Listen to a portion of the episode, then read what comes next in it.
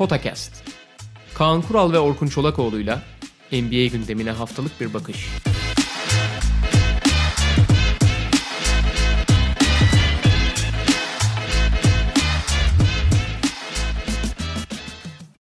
Merhaba, Potakest'e hoş geldiniz. Kaan Kural'la birlikteyiz ve bu haftanın gündemini konuşacağız NBA'de. Yine yavaş yavaş normal düzenimize geçiyoruz. Yani haftanın öne çıkan takımları olumlu ya da olumsuz olarak e, onların performansları üzerinden daha çok konuşacağız. Ama takımlara geçmeden önce bir genel konuyla başlayalım dedik bu hafta. E, expansion ihtimali, expansion konusu çok konuşuluyor NBA'de son dönemde.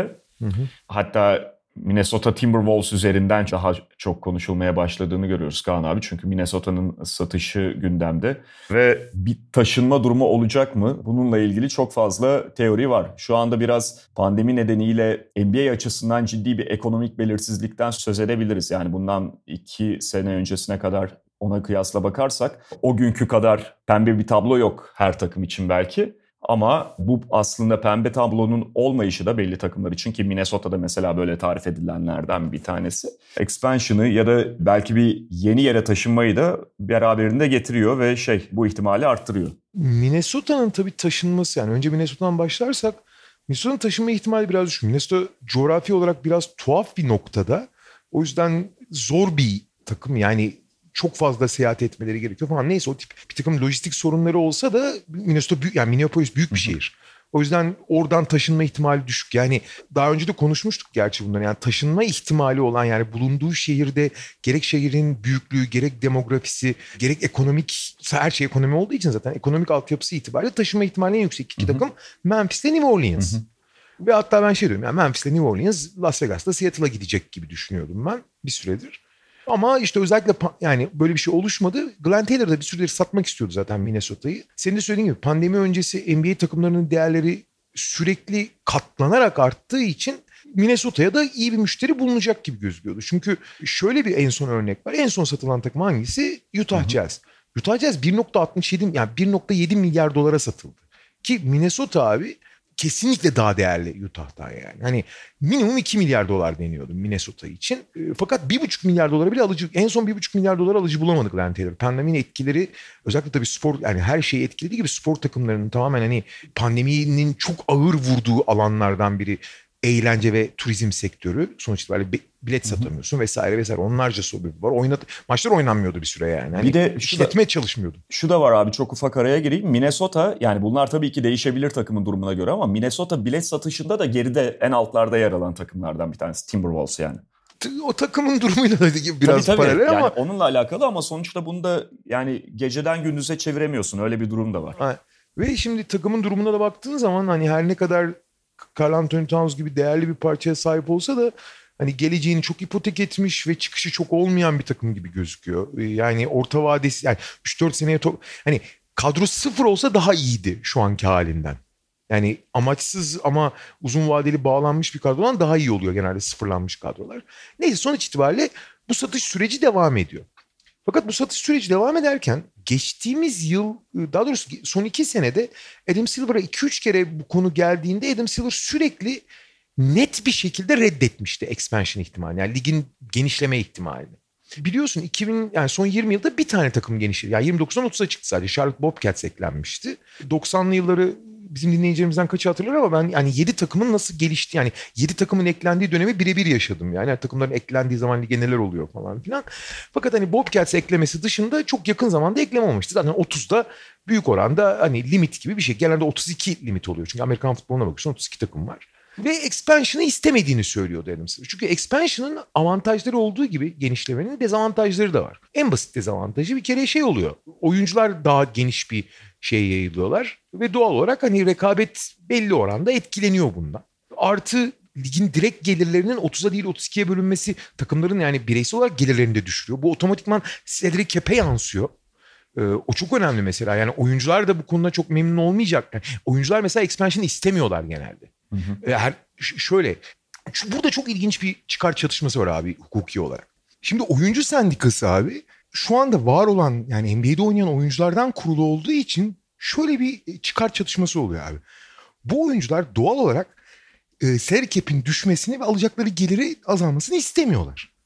Fakat aynı zamanda yeni iş yani iki takım daha demek 34 tane daha oyuncuya maaş verilmesi demek. Aslında potansiyel olarak kendilerine dahil olmayan oyuncuları da temsil etmeleri gerekiyor. Ama bu kadar sağduyulu davranmıyorlar genelde. Yani sonuçta herkes kendi ne derler zümresini değil ki, e, kendi çıkarını düşünüyor. Bu yüzden oyuncu sendikası burada bir geri adım atıyor. İşin ilginç yanı aslında takım sahipleri için de ne kadar olumlu o da ayrı bir tartışma konusu. Çünkü e, takım sahipleri gelir yani orta ve uzun vadeli gelirlerinin bir kısmını vermek vermek zorunda kalıyorlar. Bu biraz şirkete yatırımcı almak gibi. Çünkü televizyon gelirleri, NBA'in direkt, direkt işte e, yayın hakları gelirleri, e, uluslararası gelirleri vesaire gibi şeyler 30 takıma değil 32 takıma bölünecek bu durumda. Fakat yatırımcı aldığın zaman şirkete ne olur abi? Şirketin gelirlerinin bir kısmını, şirketin bir kısmını verirsin ama e, toplu para girer. E, şu anda takımların pek çoğunun daha önce konuşmuştuk sen hatırlıyorsun mesela Mickey Harrison, Miami'nin sahibi, te, e, Tilman Fertitta yani pandemiden herkes belli ölçüde etkilendi. Bazı takım sahipleri ve bazı takımlar korkunç etkilendiler. Ve çok ciddi maddi şey yükümlülüklerin arkasındalar. O yüzden bir toplu para girişi gerekiyor. Ve NBA şey demiş bu arada el altından. 2,5 milyar dolar belirlemiş expansion fiyatını. Yani iki tane takım için 5 milyar dolar istiyor takımların girmesi için. Ve bu da şeye CBA'ye bağlı bir gelir olmadığı için direkt takımlara dağıtılacak. O yüzden takım sahiplerinin gözü açıldı bir anda. Adam Silver bundan daha önce direkt hani biliyorsun genelde yöneticiler çok keskin konuşmayı sevmezler. Hani ileride bu tip demeçler kendini sınırlamasın diye. Ya kısa vadede düşünmüyoruz ama ileride bakarız derler. Adam Silver böyle bir planımız yok diyordu expansion'la ilgili olarak. Takım sahipleri istemiyordu. Çünkü takım sahipleri için hani gelirler çok iyi, takımların her geçen gün değeri artıyor. Şimdi böyle bir gelişme istemiyorlar doğal olarak. Fakat şimdi hepsi istiyor. Adam Silver de direkt bunu söyledi. Düşünüyoruz, düşünüyoruz falan dedi. Ve açıkçası müşteri de var. Şimdi en belli müşteriler belli zaten e, Seattle'ın ne kadar hevesli olduğu belli ki onlar biliyorsun zamanda 2007 takıma oradan ayrılırken ayrılmanın temel sebebi olan Key Arena'nın yani salonun yenilenmesine şehir izin vermemiş. Daha doğrusu şehir e, maddi kaynak ayırmamıştı. Şimdi o, salon yenilendi. Key Arena çok güzel bir salon oldu falan. E, Las Vegas'ın ne kadar iyi, niyetli olduğunu zaten biliyoruz. Las Vegas'ta WNBA takımı var. Bu Busokey takımı gitti oraya. Bu 5 e, yıl önce Amerika'daki bahis kanunları değiştirildikten sonra Las Vegas'a gitmenin yani daha önce bu o kanunları yüzünden gitmenin bir sürü sakıncası oluyordu. Gitmek istemiyordu hiçbir profesyonel takım. Gidemiyordu da bazı e, hukuki sorunlar nedeniyle. Şimdi abi WNBA var. Bu Busokey takım var. E abi şey gitti. Raiders gitti.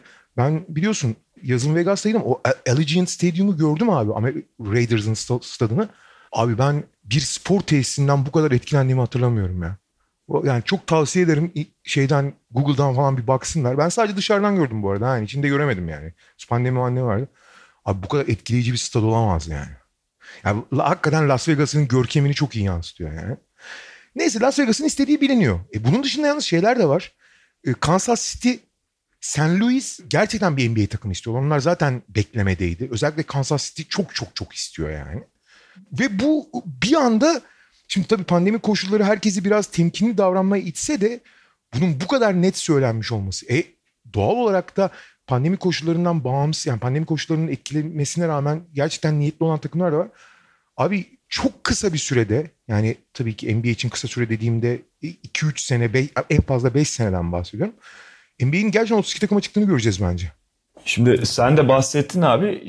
Zaten aday şehirler var ve hani e, biraz da konuya Minnesota'nın taşınma, el değiştirme halinde taşınma ihtimaliyle girmemizin sebebi buydu. Şimdi bir o talep eden biz hazır, hazırız diyen pazarları ve şehirleri doyurabilecek başka yani kendi içinden doyurabilir mi NBA? Doyurma derken şeyden bahsediyorum. Yani işte Minnesota taşınacak olursa başka bir yere o Las Vegas atıyorum. Kendi aradığını bulabilir. Başka bir şehre, başka bir takım belki taşınabilir. Bunlar sadece ihtimal. Böyle de e, bir dönüşüm olabilir ama sen de bahsettin. Farklı bir ihtiyaçtan doğuyor burada expansion arayışı ve işte o para girişine çok ihtiyaçları olursa evet belki tamamen yeni iki takım alacaklar. Ama bu da tabii beraberinde oyuncuların dağılımını getiriyor ve e, ciddi bir sorun yani bir bile senelerce tartışılmışken iki tane takımın birden gelmesi ve bunlara oyuncu havuzunun bunlara göre tekrar dağıtılacak olması bütün dengelerini değiştirebilir NBA'in. Denge derken yani güç dengesi değil sadece konu. Ortalama takım kalitesinde azalmaya yol açabilir. Ya da işte iki tane çok yani ilk yıllarında özellikle zorluk çekecek takım meydana gelebilir, ortaya çıkabilir. Genel toplamda da şeyi görüyorsun ama abi yani tarihte oyuncu havuzunun en zengin, en donanımlı olduğu dönemde olduğumuz için 90'ları çok kişi hatırlamıyor tabii Michael Jordan'ın efsanesinden dolayı. Hı hı. Abi 90'larda o 7 expansion olduğu zaman oyuncu ortalama oyuncu kalitesi de çok düşük olduğu için hani hakikaten korkunç korkunç takımlar vardı. Şimdi doğal olarak expansion olursa takımların ilk 3-4 yılı çok güdük kalacak ama ortalama oyuncuların seviyesi yükseldiği için her takımın belli bir noktada olabileceğini yani gerçekten basketbol yeteneğinin bu ligde oynamaya elverişli olmayan ya da belli bir seviyenin altında olan oyuncuların e, sayı yani belli bir seviyenin üzerinde olan oyuncu sayısı eskinin çok çok üstünde. Yani Hı hı. 300 tane falan aslında üst, şey belli bir seviyenin üzerinde oyuncu var artık. O yüzden nispeten etkisi daha az olur. Evet haklısın tabii ki yani aynı etkiye ben de katılıyorum ama etkisi eskisine oranla eksi, eski expansionlar oranla daha az olacak gibi geliyor. Bu arada tabii takım başına 170 milyon hani expansion olduğu anda takım başına 170 milyon dolar demek bu. Yani eğer gerçekten 2,5 milyar dolara satabilirlerse 2,5-2,5-5 milyar dolara o 170 milyon dolar nakit çok ihtiyaçları olan bir şey. Hı hı. Durum böyle olunca da olacak. Bu arada hani bilmeyenler için küçük bir not düşeyim. Yeni takımlar girerse nasıl giriyorlar lige? Expansion draft yani genişleme draftı diye bir draft var özel. Her takım NBA'deki 30 takımın her biri kadrosunda kontratlı olan yani kontratları devam eden oyunculardan 7 duruma 6 veya 7 tanesini onu NBA karar veriyor. 6 veya 7 tanesini korumaya alıyor. Hı hı. bu 7 oyuncu benim diyor. Ve geri kalanını açıkta bırakıyor. Ve expansion olan yani yeni kalan gelen takımlar sırayla bu açıkta kalan oyunculardan istediklerini alabiliyorlar. O kontratı aynen kendilerine alıyorlar. Hani bedavaya takas almış gibi oluyorlar.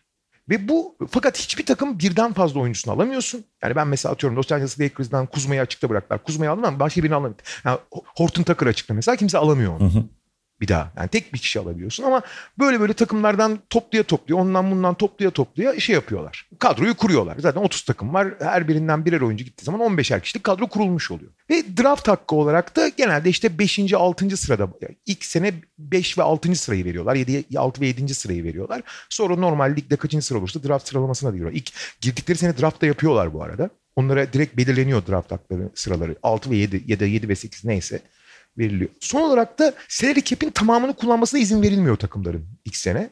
Çünkü doğal olarak expansion aldıkları oyuncular kontratları çok az olduğu için salary cap'te boşluk olacak ve o sene piyasaya girip en önemli free agentlara çok ciddi şey oluyorlar. Talip olabiliyorlar. Maksimum kontrat verebilecek durumda oluyorlar. Öyle olmasın diye ilk sene genelde salary cap'in 3'te 2'si, ikinci sene 4'te 3'ü, üçüncü sene itibaren tüm salary cap'i kullanmalarına izin veriyorlar. Hı hı.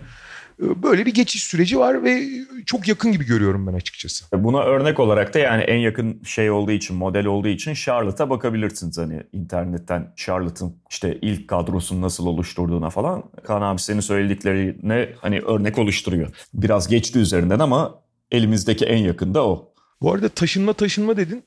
Eğer hani bu tabii tahmin yani bir anda St. Louis veya başka bir şehir devreye gelir ama bir, gerçekten Las Vegas ve Seattle olursa bu takımlar Hı hı. Minnesota e, kendi kendine taşınmış olacak Doğu Konferansı'na. Ha şey Çünkü iki, yer, takım, e, iki takım batıdan geleceği için bir takımın batıdaki takımlardan birinin doğuya gitmesi gerekecek. O takımın da ya Minnesota ya Memphis olması bekleniyor. Çünkü doğuya en yakın takımlar onlar aslında. Memphis aslında daha çok doğuya yakın doğudaki diğer takımlara. Fakat Minneapolis coğrafi olarak doğuda olması çok daha mantıklı bir takım. Yani Chicago'ya, Detroit'e falan yakınlığı düşününce. Minnesota batının diğer takımlarına çok uzak kalıyor çünkü. Hı hı. Ee, çok büyük ihtimalle Minnesota'yı o zaman doğuda görebiliriz satılmadığı halde. Playoff yaparlar belki. Olabilir. Peki takımlara geçelim o zaman. Ee, geçelim abi. Philadelphia ile başlayalım. Philadelphia Hı-hı. bu sabahta Washington'ı mağlup etti ve 7-1 oldu. Ee, en iyi başlayan takım konumunda Philadelphia. 7-1'lik derecesiyle. Tabii şunu da söylemek gerekiyor. Yani ciddi anlamda fikstür avantajları vardı sezon başında. Yani görebildiğim kadarıyla gözden kaçırdıklarım olabilir ama Lakers'la birlikte en iyi fikstürle giren takım Philadelphia.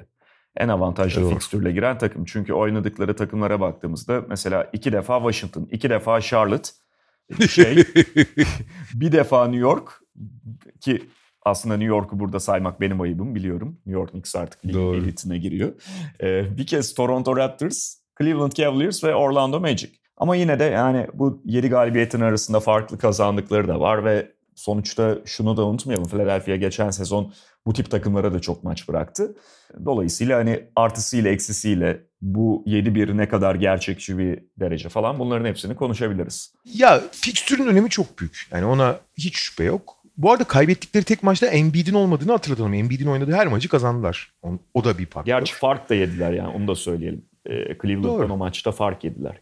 Ya şöyle e, Philadelphia'nın bu başarısı daha doğrusu bu derecesi ve bu görüntüsü büyük oranda yani fikstürün falan her şeyin etkisi olsa da sezon başı zaten hani bazı takımlar çok dağınık bazı takımlar iyi. Büyük ihtimalle gerçekçi abi. Yani sezon başında bizim Philadelphia'nın hatırlıyorsun sen de ben de geçtiğimiz yıllarda ne kadar büyük hayal kırıklığına uğrasak beklentilerimizi bulamasak hala Ben Simmons'la Embiid'in belki de birbirine uyumu en zorlu iki üst düzey oyuncu olduğunu farkında olsak da herkes farkında. Durum da ortada zaten yani farkında olacak olmayacak bir şey yok. Fakat bu sene bir kere daha onların başarılı olabileceği bir formül olduğunu konuşuyorduk. Yani e, çünkü Embiid ve Simmons'ın verimli olabileceği en doğru yapı kurulmuştu. Yani etraflarına şütörler alınmıştı. Ona göre bir işte Dark Rivers ona göre bir kurgu yapacağını söylemişti falan. Ki nitekim şu ana kadar Seth Curry müthiş iş yapıyor. Yani e, zaten o geçen sezon kariyerinde iki basamak falan çıkmıştı. Yani sadece bir sabit nokta şütör olmaktan çıkıp topla da oynayabilen, o şütörlüğünü mobil bir şekilde olarak da devam ettirebilen çok özel bir dış e, atıcıya dönüşmüştü. Skorerden çok atıcı ama ne olursa olsun o topla oynayabilmesi falan çok değerli. Ve hakikaten seviye atlamıştı. Bunun yanı sıra sezona e, Tobias Harris çok formda girdi. Çok da iyi oynuyor. Fakat her şeyden önemlisi yani bu formül işte Embiid ve şeyin etrafına şütörleri koymak, Ben Simmons'ın şütörleri koymak formülü düşünülüyordu, uygulandı. Nitekim mesela benim o genç kanat oyuncuları arasında işte Shake Milton, Furkan, diğer kanat oyuncular arasında benim en beğendiğim ve aslında en potansiyelli gördüğüm Matisse Taybul hemen hemen hiç oynatılmıyor. Onun tek sebebi var Taybul şut atamıyor çünkü. Ve şut atamadığın zaman diğer bütün iyi özelliklerine rağmen Taybul da sezona çok çok iyi girmedi gerçi form olarak ama onu istemiyorlar. Yani hani abi Ben Simmons ve Embiid var kusura bakma Taybul'cum falan durumu oluyor. Şimdi bunların hepsi o eyvallah tamam bunlar gayet güzel. Bu formül belli oranda tuttu takım iyi niyetli falan. Fakat burada iki tane daha doğrusu birbirine bağlı bir tane yani iki tane ama birbirine çok bağlı bir for, esas e, nokta var. Ha, bunların hepsi tamam ama esas bu takımı gerçekten ümit beslenmesi yani gerçekten rekabetçi hatta belki de şampiyonluk adayı yapabilecek bir tane önemli nokta vardı. Bu geçtiğimiz 3 senede de aynı şey geçerliydi. Ha, bu takım hiçbir zaman çok akıcı, çok verimli, çok keskin, çok paylaşımcı bir hücum takımı olamayacak doğasından gereği, DNA'sından gereği. Yapılabilecek en iyi formül yapıldı şütörlerle beslenerek Embiid Simmons ama ideal değil abi bu. Ve hani e, bakıyorsun sonuçta Simmons'ın eksiklerini düşünüyorsun. E Seth Curry tamam bir yerlere geldi. Tobias Harris çok formda falan da bunların, hiçbir, bunların kombinasyonundan bir süper hücum takımı çok kolay kolay çıkaramazsın. İyi hücum takımı çıkarırsın, iyi ritim bulabilirsin ama şey değil.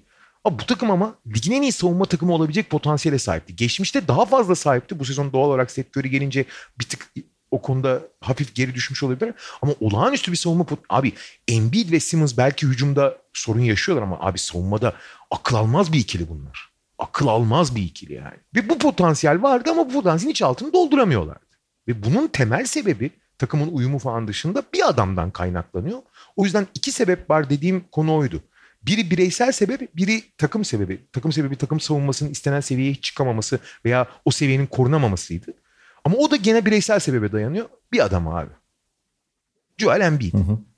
Şimdi abi Joel Embiid'in tek kelimeyle muhteşem bir oyuncu olduğunu biliyoruz. Bir nevi Shaquille O'Neal'la e, Tim Duncan'ın kırması gibi. Tim Duncan kadar keskin fundamentale sahip atlet. Neredeyse Shaq kadar kalın olmasa da çok büyük fiziğini de kullanabilen, te- tekniğini de kullanabilen çok çok özel bir oyuncu Embiid. Savunmada da eğer kendine verirse anormal bir caydırıcı. Yanis'ten tut şeye kadar pek çok oyuncuyu nasıl durdurabildiğini biliyorsun. Hani hem Yanis'i hem Valanciunas'ı aynı anda savunabilecek kaç oyuncu var abi? Fakat abi Embiid'le ilgili biliyorsun. Ya iş disiplini falan hak getir abi adamda. Bir kere hiçbir zaman fiziksel olarak iyi durumda değil ki. Yani her zaman son çeyreklerde eli dizinde şey soluyan, kondisyonsuz.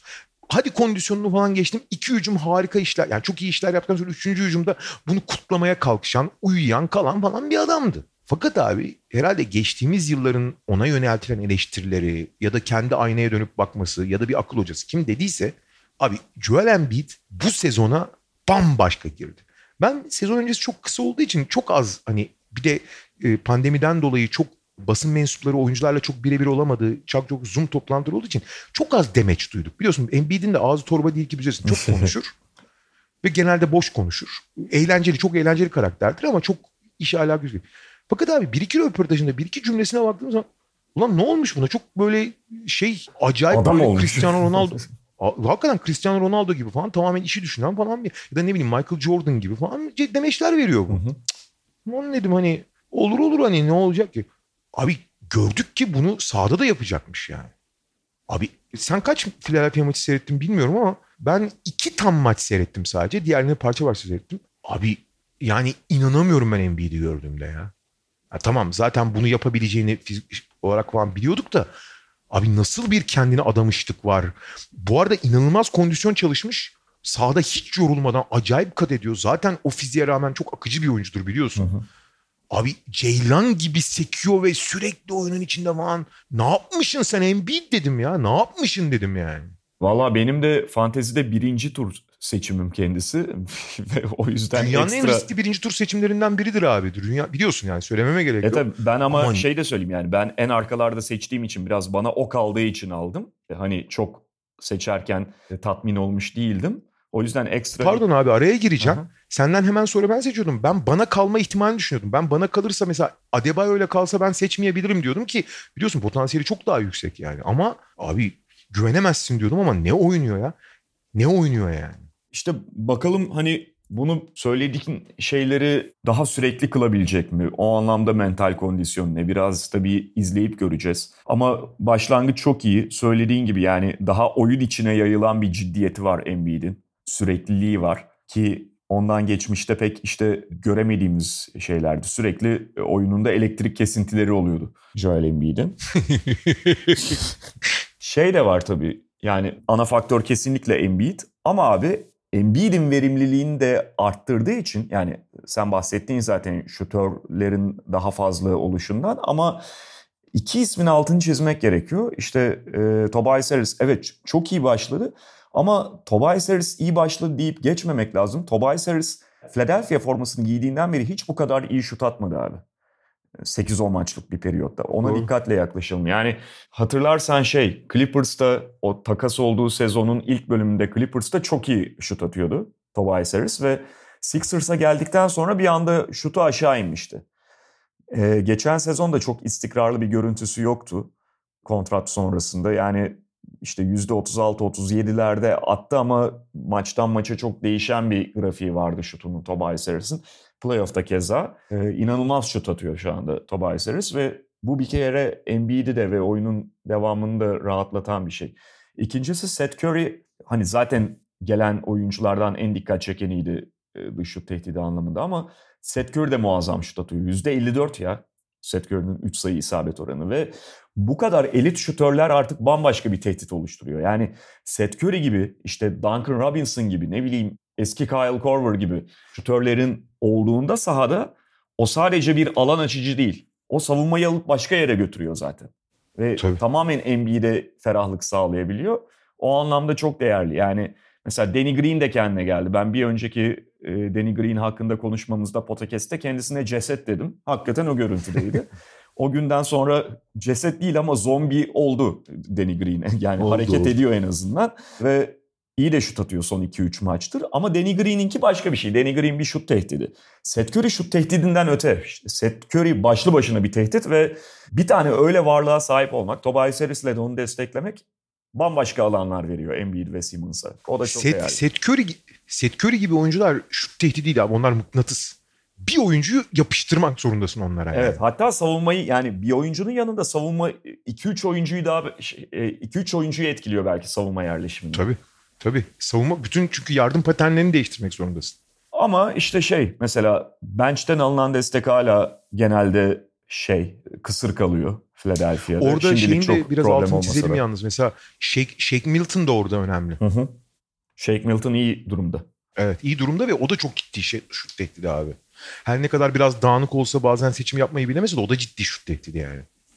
Bakalım biraz daha yol engebeli hale geldiğinde biraz daha zor fikstürde ne yapacak Philadelphia ama başlangıçları şu ana kadar gayet iyi. Furkan çok çok iyi başlamamıştı ve sonra bir sakatlık geçirdi. Ee, şu anda sakat yaklaşık bir, bir hafta daha oynamayacak ama hani Furkan mesela Furkan'ın Shake Milton'ın falan da bu yapıda daha fazla değer gördüğünde görüyoruz. Yani dediğim gibi Matisse Taibul'un önüne koyuyorlar yani. Şimdi Batı konferansındaki... Ha bu arada şey şeyi de adını neydi? Abi e, Tyrese Maxey de çok onun, e, çaylak Tyrese Maxey de katkı veriyor. Evet yani her maç aynı istikrarlı olmasa da doğru. Onu da e, bench'teki oyuncular arasında saymak gerekiyor. E, Batı konferansındaki takımlara geçmeden önce hemen araya şunu da ekleyelim. Yani onlar da iyi başlamıştı. Orlando Magic 6-2. Bu sabah da Cleveland'ı yendiler ama ciddi bir kayıp verdi Orlando. Ve belki sezonlarını önemli ölçüde etkileyecek. Markel Fultz e, dün sakatlandı yani bu sabah. Sezonu kapattı çapraz bağ kopması nedeniyle. Ve hani sonuçta Markel Fultz artık bu takımda detay bir oyuncu değil. Takımın merkezindeki isimlerden biri. Sezona çok iyi başlamış sonra biraz yine iniş göstermişti ama Orlando'nun ona daha fazla rol vermek istediği, Markel Fultz'u geliştirmek istediği belliydi. Onun üzerinde plan yapıyorlardı ve kaybettiler Fultz'u. Ve e, DJ Augustin ayrılmışken onun rolünü kaldırabilecek oyuncu alternatifleri de çok sınırlı. Cole Anthony, Çaylak Cole Anthony sezona iyi başlamadı ama pardon iyi başladı ama o da çok sınırlı bir oyuncu. E, Michael Carter Williams'ı biliyoruz zaten. Hani belli şeyler yapıp belli şeyleri hiç yapamıyor. E, yani işte Dwayne Bacon'la veya Cole Anthony ile oynamak da yani Mark Alfonso'nun kaybı çok önemli bir kayıp olduğu gibi onun yerini doldurulması da çok zor bir kayıp yani. Hı hı çok iyi başlayan Orlando'ya karşı çok büyük talihsizlik. Bireysel olarak da şeyinki çok büyük talihsizlik Markel Fultz'un. Yani evet. tam e, kariyerini rayına koymaya çalışıyordu. Ben onunla ilgili övgülerin biraz abartılı olduğunu düşünüyordum. Yani belli şeyleri yapabiliyor ama belli şeyleri gene hiç yapamıyordu. Ama tam hani ayağa kalkmaya, yürümeye hatta koşmaya başlayacakken büyük şanslık tek teselli e, sonuç itibariyle yeni kontratı almıştı. En azından mali açıdan herhangi bir zarar olmayacak. Yani ben bu tip sakatlıklarda oyuncu talihsizliklerinde hep yani bazı oyuncular aklıma geliyor da mesela Demarcus Cousins başta olmak üzere tam hani ödülünü alacakken bütün o çalışmasının öyle kritik bir yerde sakatlanıyorsun ki karşılığında parası olarak da alamamış oluyorsun yani. En azından hani 50 milyon dolarlık bir kontrat yapmıştı. Belki küçük de bir tesellidir yani. Evet. Ee, peki Batı'da çok iyi gitmeyen iki takım var. Onlardan bahsedelim. Yani New Orleans ve Portland belki derece olarak felaket durumda değiller ama şöyle bakmak gerekiyor. New Orleans çok saçma iki maç verdi üst üste. Portland zaten derece olarak da felaket diyebiliriz. 3 galibiyet, 4 mağlubiyet sezon başı beklentilere göre e, iyi bir tablo değil. Hatta onlardan başlayalım. Yani iki hafta önce galiba işte ödül tahminlerimizi konuşurken orada Damian Lillard üzerinden Portland'la ilgili beklentimden biraz bahsetmiştim. Ben George'u... Damian Lillard. Pearl George'den ders almadın değil mi? Paul George'u biraz erken öne çıkardım ben. yani bir 4 yıl falan bekleseydim daha karizmatik bir seçim olurmuş. Ya Portland, Portland'ı hiçbir zaman böyle Dark Horse statüsüne sokacak ya da işte Batı konferansında bak yani Lakers, Clippers bir hata yaparsa arkadan bunlar gelir şeklinde gördüğüm bir takım olarak ifade etmedim ama şu var normal sezonda iyi olabileceklerini düşünüyordum. Ben de. E, fakat sezona gerçekten çok kötü bir başlangıç yaptılar ve yani savunmaları evet yani savunmalarının çok iyi düzeyde olmayacağını zaten tahmin edebiliyorduk ama felaket durumda. Felaket durumda savunmaları. Chicago'ya 20'den maç verdiler. İşte Golden State maçında Curry'i hiçbir şekilde savunamadılar. Başka örnekleri var zaten. Dağıldıkları maçlar var. Tamamen ezildikleri maçlar var ve ilk 7 maçta sadece 3 galibiyet alabilen bir Portland görüyoruz. Ha şeyi de söyleyeyim yani Lillard'da zaten takımın diğer problemlerinden bağımsız olarak Lillard da sezona kötü girdi kendi standartlarına. Evet. Ya e, onların hani başarılı olmalarını ve daha iyi olmalarını beklememizin en önemli sebebi e, yaptıkları iki transferin Covington ve Derrick Jones Jr.'ın e, çok nokta takımın çok ihtiyacı olan transferler olmasıydı. Yani bu takım çok önemli. İki tane atıcıya sahip guard temelli bir takım ama kanattan belki hani çok fazla skor aramıyorlar. Guardlar bu kadar iyi skor oldu ama guard, kanadın savunma yapması lazım. Yani savunmanın felaket olmasının en temel sebebi de kanadı hiç savunamamalarıydı. Yani hiçbir yeri savunamıyorlar ama kanadı da savunamıyorlar. Şimdi iki tane çok üst düzey kanat savunmacısı alınca bu işi dengeler. işte Nurkis zaten arkada bekçi bir savunma kurgusu yani gardlar gene geçirgen ayrı konu ama en azından bir savunma kurgusu yapabilirsin. Temel atabilirsin. E zaten hücumu sürükleyen oyuncular da belli. Yani Covington'la Derrick Jones Jr. da hücumda belli roller alırlar. Ve hani daha derli toplu, daha komple yani e, en büyük deliğini kapatmış olarak düşünüyorduk biz. E, şimdi öncelikle Covington ve Derrick Jones Jr. bunları yapamadı diyemeyiz. E, Covington evet sezona çok çok iyi girmedi. Zaten birebir savunmadan çok yardım savunmasında iyidir. Fakat Covington ve Derrick Jones Jr görece onlardan bekleneni, isteneni, bu takımın eksiğini yapmış olsalar da bu takımın asıl temel direklerinin çok işlemediğini görüyoruz. Sen söyledin Damian Lillard kendi standartlarının altında girdi diye. Evet öyle altında girdi. Ki onun altında girmesi demek her şeyin merkezinde bir oyuncu olarak herkesi etkiliyor. Ama diğer taraftan da mesela CJ McCollum da muhteşem girdi sezona. Yani hakikaten müthiş oynuyor. O da senin San Fantasy takımında. evet. Müthiş oynuyor. Hani dengeler demeyeceğim ama şey. Fakat esas konu abi Yusuf Nurkic'in durumu ne öyle? Hı hı. Ya Yusuf Nurkic dökülüyor, dökülüyor. Ki hatırlayacaksın e, Yusuf Nurkic o çok ağır yani bir uzun için öyle ağır bir uzun için olabilecek en korkunç sakatlıklardan birinden geçmişti. Kompozit bir kırık vardı bacağında. Bir sene basketbol oynamadı. Bubble'a döndüğü zaman herkes merak ediyordu ne durumda olacak, ne kadar adapte olacak diye. Bubble'da evet kondisyon olarak, e, ritim olarak %100 gözükmese de çabasıyla, sağlığıyla çok iyi gözükmüştü Yusuf Nurkic. Ve abi işte bubble bittikten sonra da Nurkic iyice işte kondisyonunu bulur, ritmini bulur. Çok da iyi oldu. Yani bubble'ı devam ettirse bile yeter deniyordu. Ama abi bubble bittikten sonraki arada 3 aylık periyotta yani Nurkic çok, çok kötü geçirmiş o dönemi. Yani, yani şu anda iyi durumda değil. Şimdi Nurkic o durumda kötü durumda olunca abi şöyle bir durum oluyor.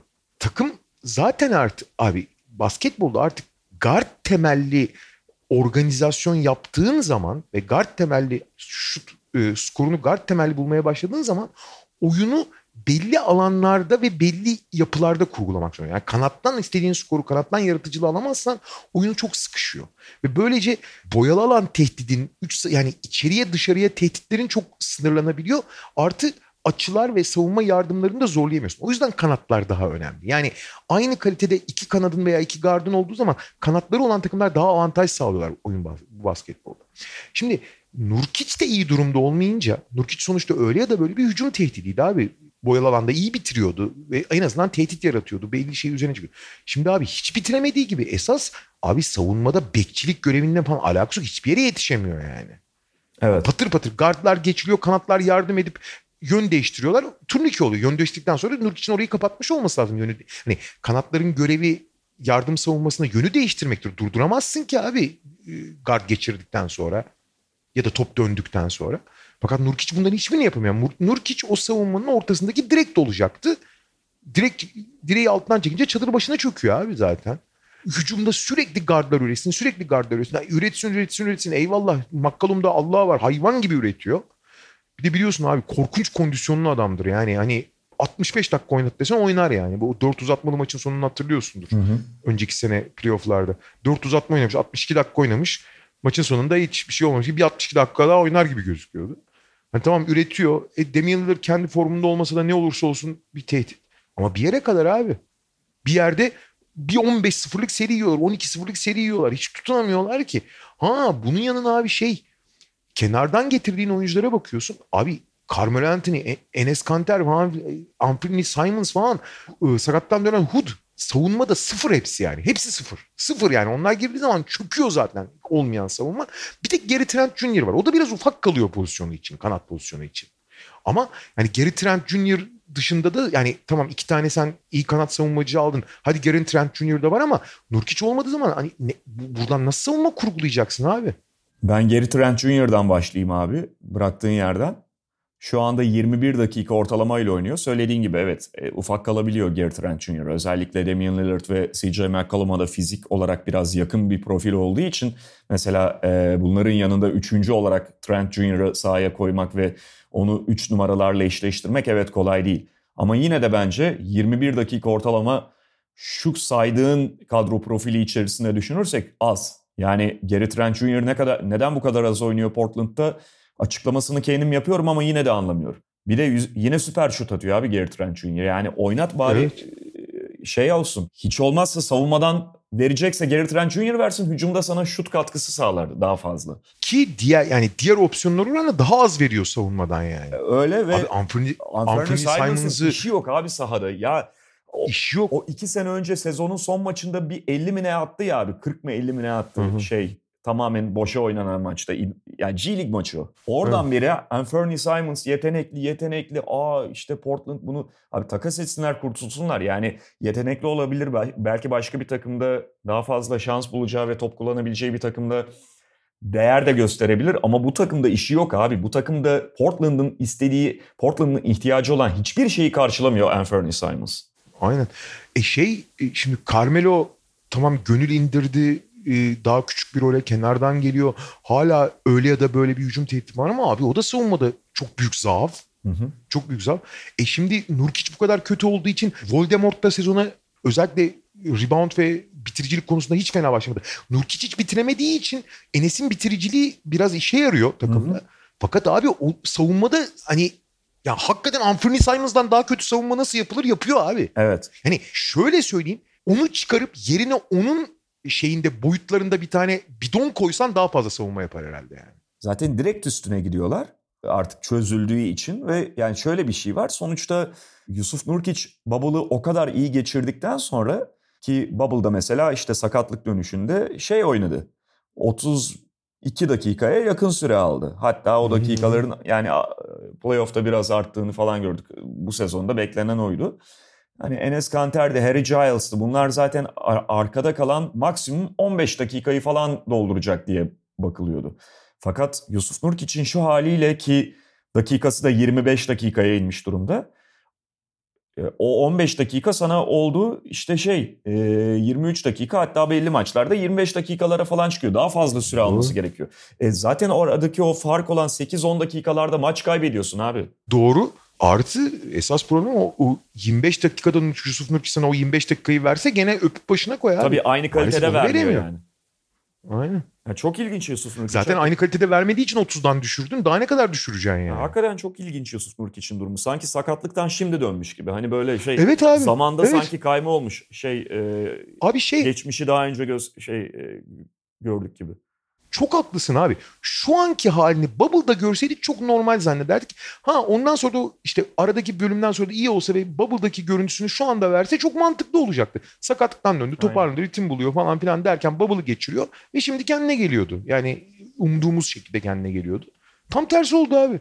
Bir de şunu söyleyeyim son olarak. İşte McCollum harika başladı. Damian Lillard formsuz başladı. Fakat abi bunların müthiş şutörler olmaları biraz hem onları hem takımın oyununu etkiliyor. Yani sürekli böyle ilk buldukları boşlukta dış şutlarına güveniyorlar ve takım momentumu kaybetmişken takım bir seri yerken de aynı şutları görüyoruz Portland'da. Yani hiç orada farklılık ortaya koyamıyorlar.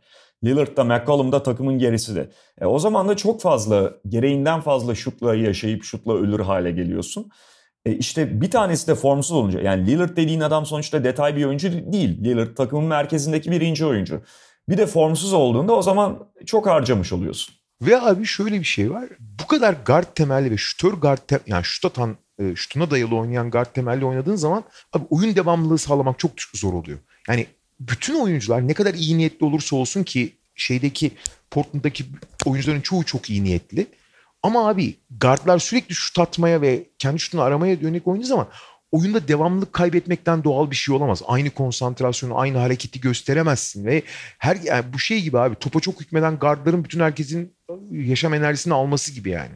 Biraz tamam Portland hiçbir zaman öyle kurgulanmadı. Zaten bu gardlar olduğu için ona göre oyun, oyuncular seçildi. Yani Covington'lar, Derek Jones Jr.'lar zaten ritim kaybedecek oyuncular değil. E, de biliyor.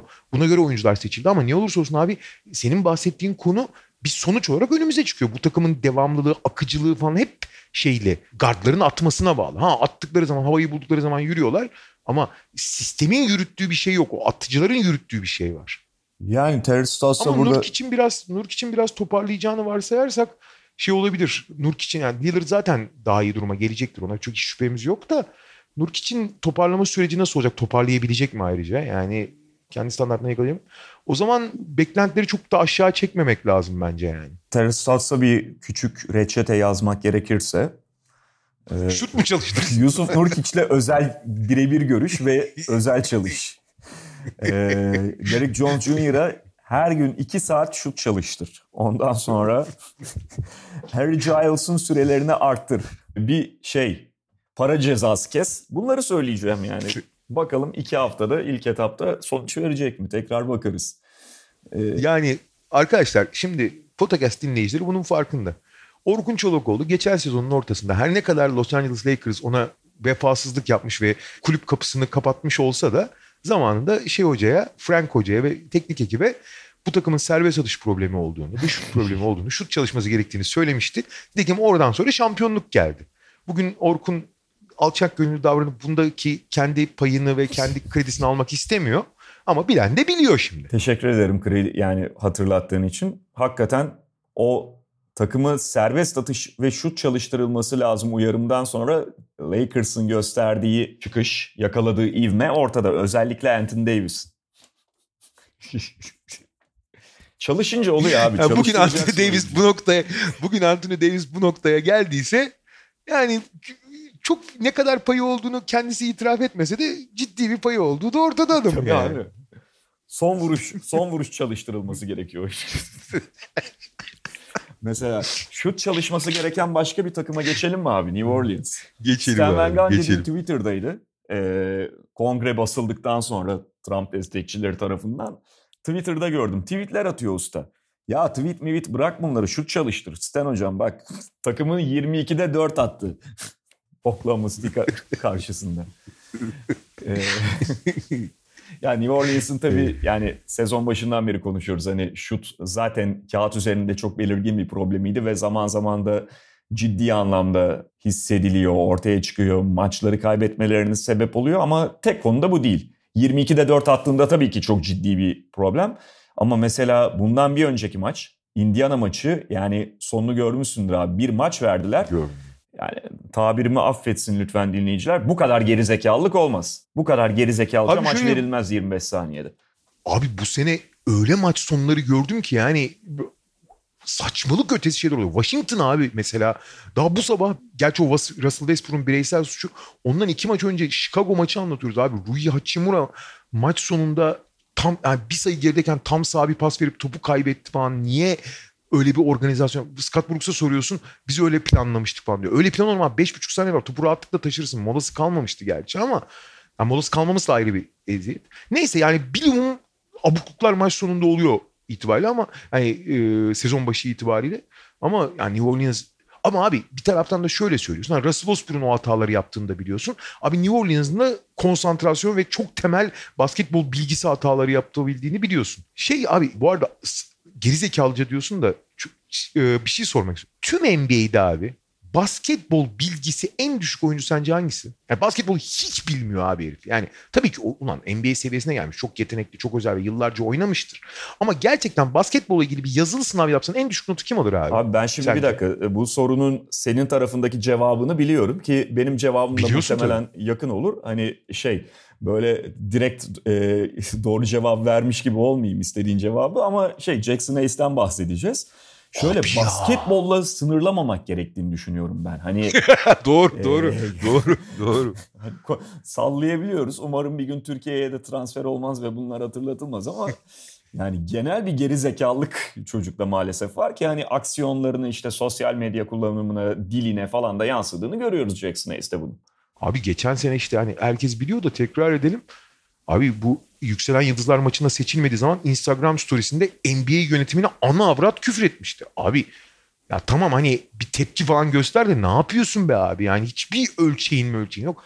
Abi hadi o onun şeyi oyununu etkileyen bir faktör olsa da yine basket abi sahadaki haline bakıyorsun. Hakikaten hiçbir fikri yok ya sahada. Bas, basketbolun bir takım oyunu, belli amaçları, belli düzenleri olan bir oyun olduğundan falan hiçbir şekilde haberi yok yani herifin. Ha muazzam bir ham yetenek ayrı konu. Ama pek olgun yani o hamlıktan çıkabileceğini çok çok zor olacak o hamlıktan çıkması. Onu söyleyelim. Sen şu problemi demiştin. Bir kere şunu yani New Orleans Pelicans için hayal kırıklığı ya da beklentilerin altında derken bir bir yerde bir şer koymak lazım. Çünkü bu takımın en önemli ihtiyacı olan, en önemli eksiği olan, en önemli problemi olan dağınıklık, dikkatsizlik, detaylara önem vermeme, savunmada koordinasyon, kazanma azmi vesaire gibi konularda ciddi aşama kaydettiğini söylemek lazım. Yani o konularda hakikaten geçen seneki Bubble'daki hallerini hatırlamıyor musun abi? Utanç vericiydi ya. Utanç vericiydi. Kesin savunmada net daha iyiler. Bir kere ligin açık ara en kötü geri koşan takımıydı. Geri koşan adam. O konuda ilerleme kaydettiler. Bugün gene e, dünkü maçtan sonra çok şikayet etmiş Stan Van Gundy. Gene geri koşmayı unuttular falan diye. Ama belli ki bunun üzerinde yani şut çalışmıyor hocamız ama geri koşma çalıştırıyor en azından. Onları çalıştırıyor bak.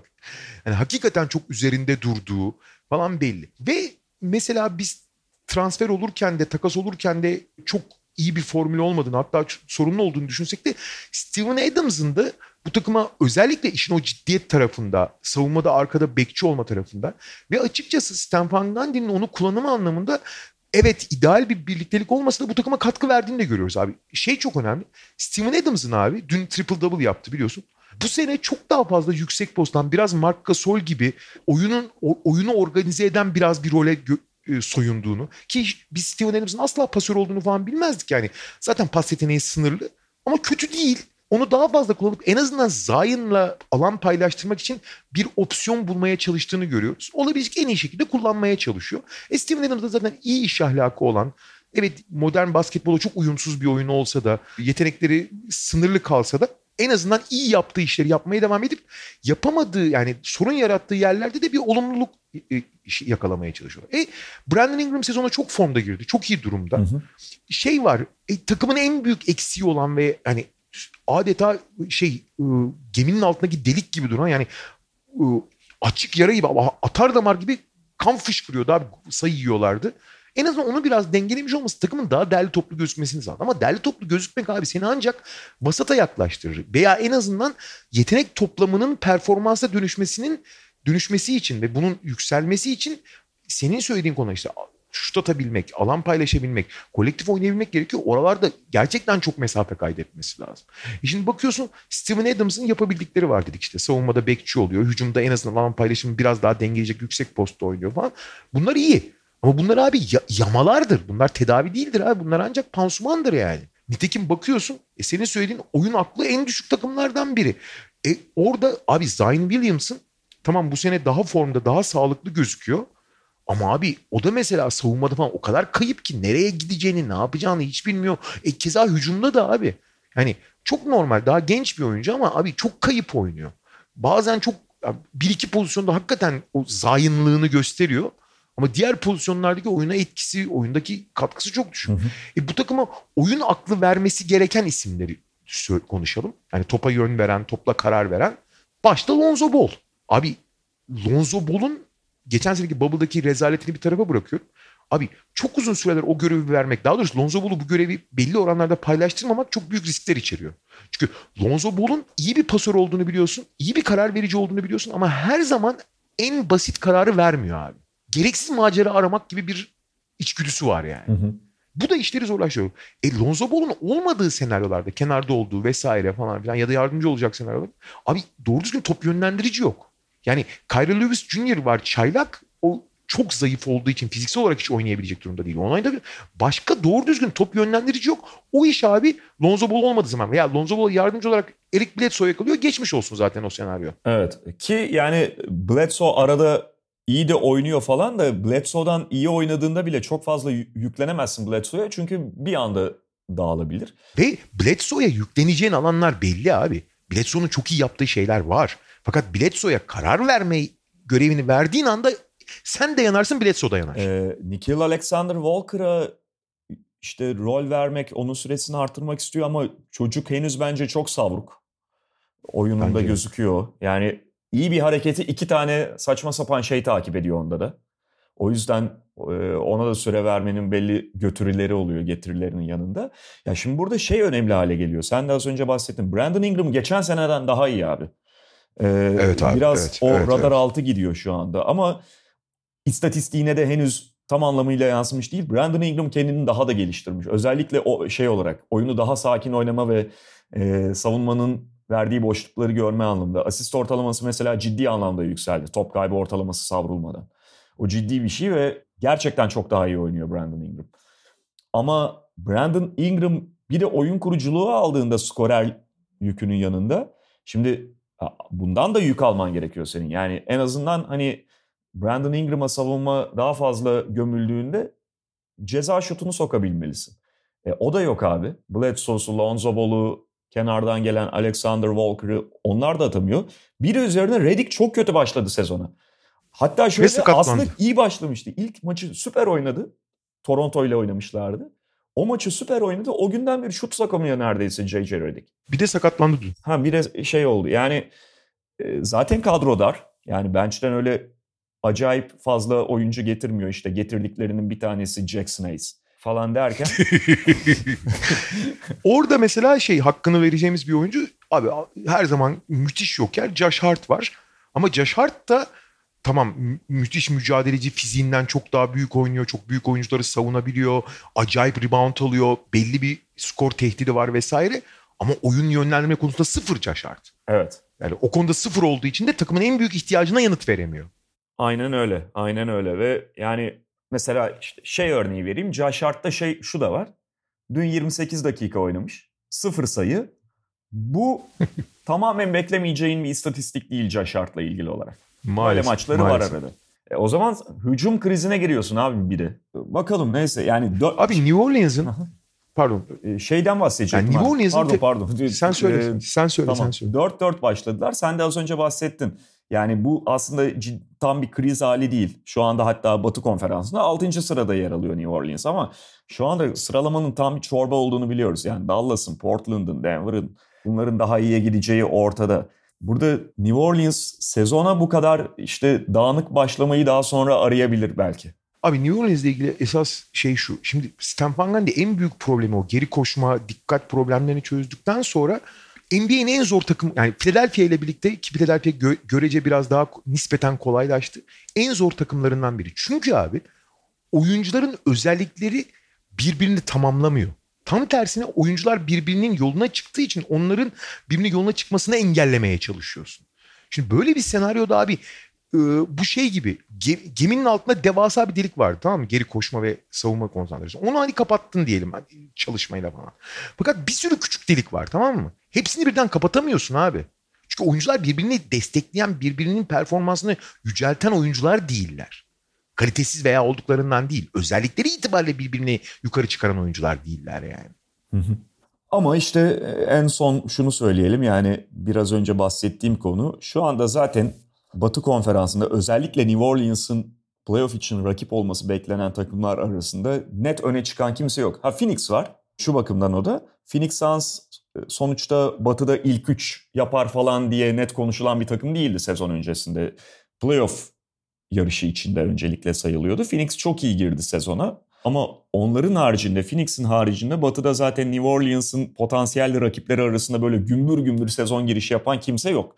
Dolayısıyla şu anda somut anlamda geri kalmadılar. Ama bu dağınıklık ve bu problemlerle sezonun ilerleyen bölümünde New Orleans'ın burada ciddi kayıplar vermiş olduğunu da konuşabiliriz. Abi kesinlikle ve kesinlikle bir tane top yönlendirici oyuncuya takasına ihtiyaçları var. Mesela şey var abi. Hep konuştuk ya. Facundo Campazzo, Montemoris çok lüks kalıyor Denver. Onlardan birini Campazzo'yu almaları zor ama Montemoris'i belki e, almaları çok ama çok yararlı olabilir onlara da. Peki o zaman bugünlük bu kadar diyelim. Ee, tekrar görüşmek üzere diyoruz Podcast'te. Hoşçakalın. Hoşçakalın.